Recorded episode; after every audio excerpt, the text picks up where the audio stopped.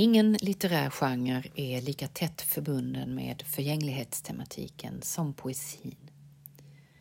Visst, inte all poesi handlar om döden, men döden är, menar jag, närvarande i all bra poesi.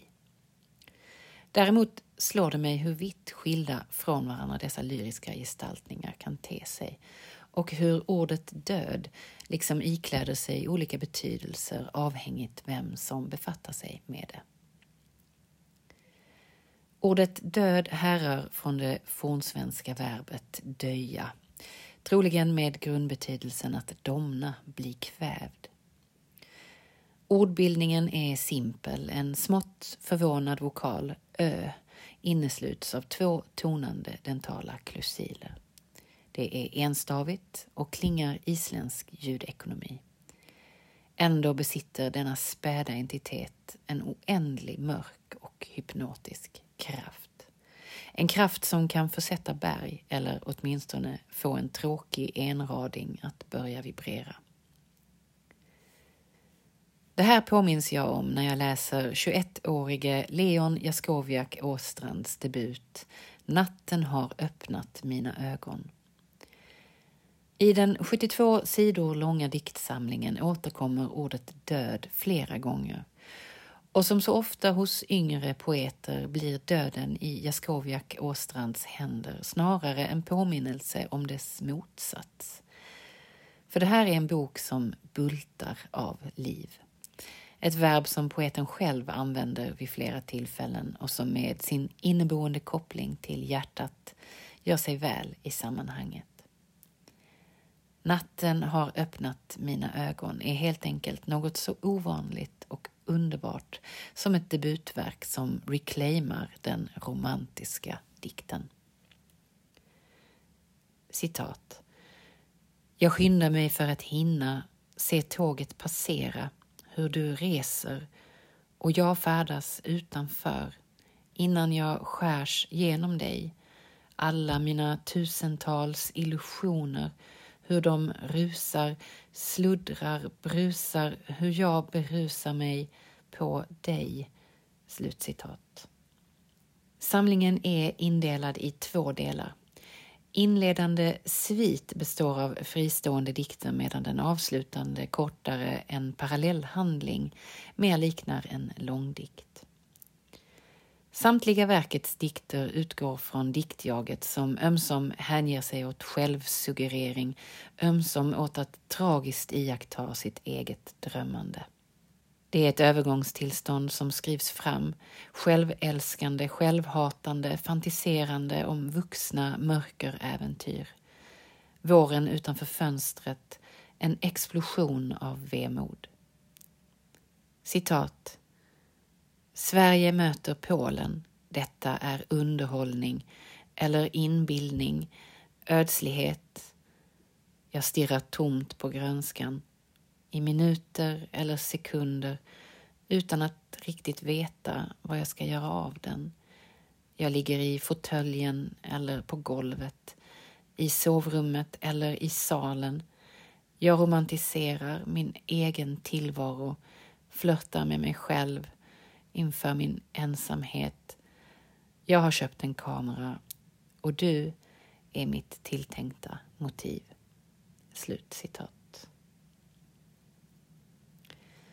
Däremellan tänker diktjaget tvångsmässigt på sin ändlighet. Citat. Jag är nedräkningen. Jag fanns inte. Jag var ett. Jag var sju. Jag är snart tjugo.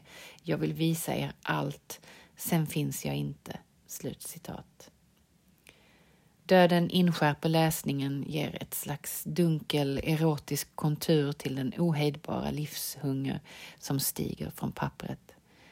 Det är gjort med imponerande stilistisk säkerhet. I bokens inneflik nämns den självförbrännande pretty boy-poeten Michael Strunge som förebild och det är uppenbart att idolen hemsöker dikterna. Inte minst vad gäller deras svärmiska karaktär men också i juxtapositioneringen mellan kropp och stratosfär. Men Åstrand Jaskowiak är mer återhållen, mindre utlevande, mer trevande i sitt språk än sin idol.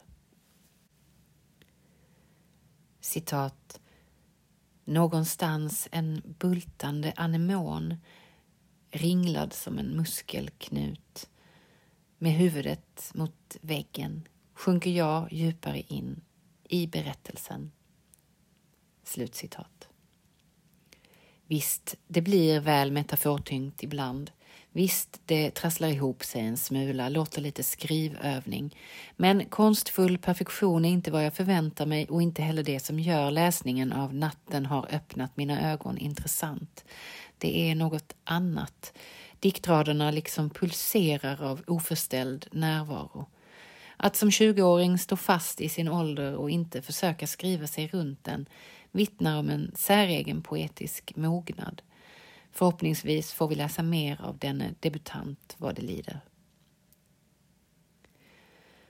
Om Jaskowiak Åstrands bok pekar framåt mot en olevd framtid gör den snart 43-åriga Johan Dahlroths debut det exakt motsatta. Kom, jag vet en plats är en bakåtblickande text som finner sin poetiska glöd i det som en gång var. Den drömska titeln på den stramt formgivna boken från Aska förlag väger inbjudande lätt i handen. Glänsande i någon slags dov silverblå ton är den en lisa för ögat. Prologen sätter tonen. Vi exponeras för ett minne från tidig barndom där diktjagets mor drabbas av en ångestattack under en bilfärd med släktingarna. Scenen avslutas med att hon bärs ut till sin rullstol. Händelsen får det iakttagande barnet, diktjaget, att frysa till. Citat. Jag åminner känslan att vara helt oförmögen till handling oförstående på ett plan men ändå helt observant registrerande på ett annat. Slutcitat. Prologen utmynnar i en dubbeltydig bild. BMX-cykel till Konsum och glass som tröst för livets svåra umbäranden.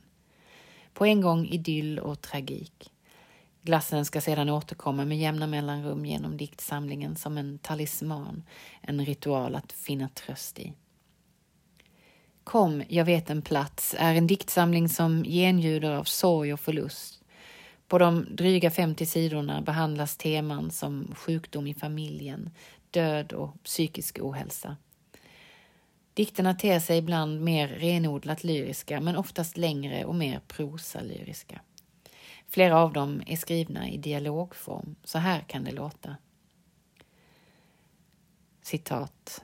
Väl nere vid kajen fann jag mig några toner och dansade längs vattnet, där ingen kunde se mig. Inte en enda stjärna eller ängel tittade ner från ovan.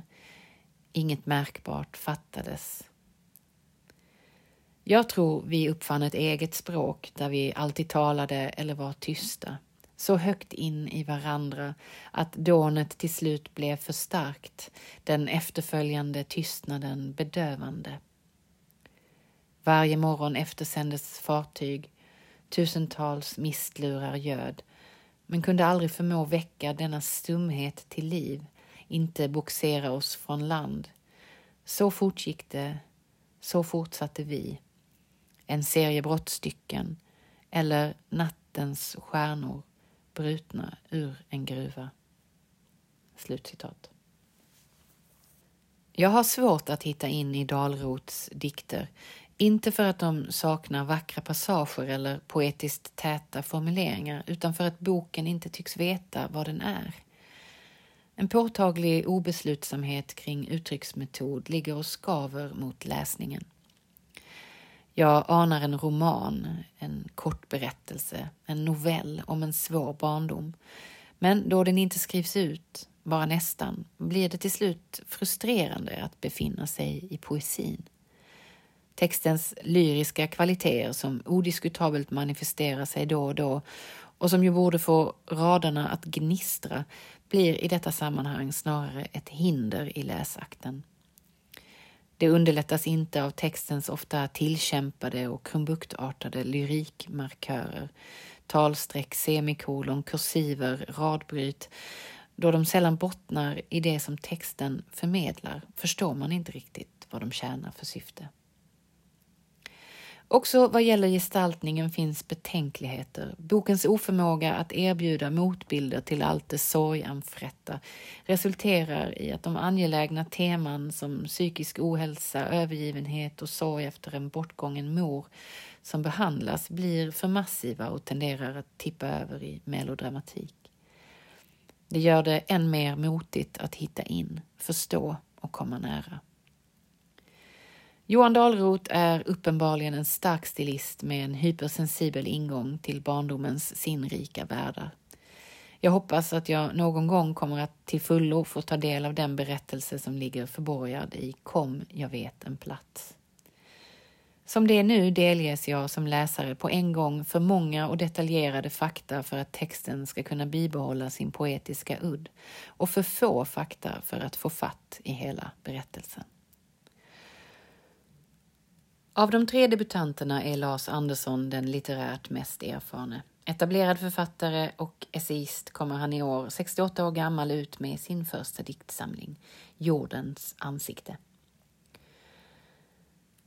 Den inbundna kolossen på 180 sidor känns underligt arkaisk. Hela dess väsen utstrålar 80 och 90-tal. Så här brukar de kvarblivna böckerna på antikvariatens dammiga lyrikhylla se ut.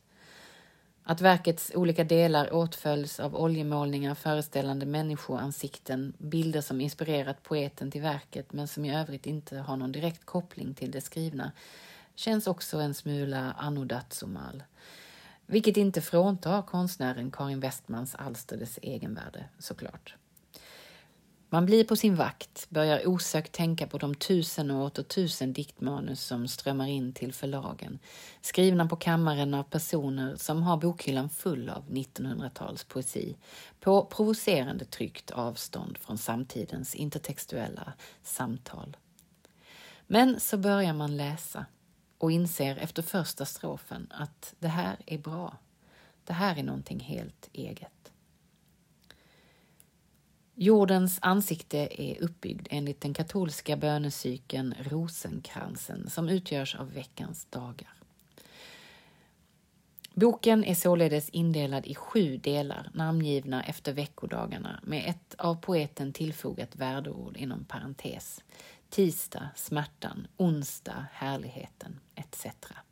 De olika avsnitten kan ses som meditationer de kristna motiven är dominerande. Kristi liv från födsel till korsfästelse utgör en slags ram. Men världens brus letar sig ständigt in i dikten, i allt från svarta hål till faderblivande. Att vi har att göra med en essayist som är van att tänka i vida banor går inte att ta miste på. Det är som att Andersson vill omfatta hela varat, dess outgrundliga mysterium och oförenliga inneboende paradoxer. Vad är det då som är så tilltalande med jordens ansikte?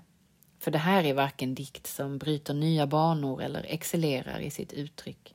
Snarare är det en slags essistisk poesi där innehållet alltid föregår formen.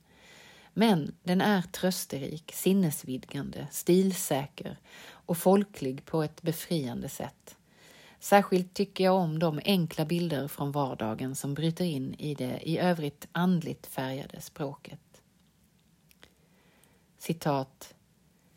Sent nu på kvällen, detta som är pingstdagen, när pojken sover och månen har flyttat halva sin kropp till höger ut i en blekblå icke-natt och tre fåglar styr in under dess sneda kroppshalva, en efter en. Undrar jag över dig, ande, som kunde föreställa dig det nordiska ljuset och grönskans smala eldtungor ur björkkronor, sjövattnets gnisthärd och hur ett barn går på händer i gräset och hur ett barn vecklar ut sitt modersmål i fantasier om grådvärgar, vildhundar, hemmet som kretsar där i sin bana, vid sidan av synfältet.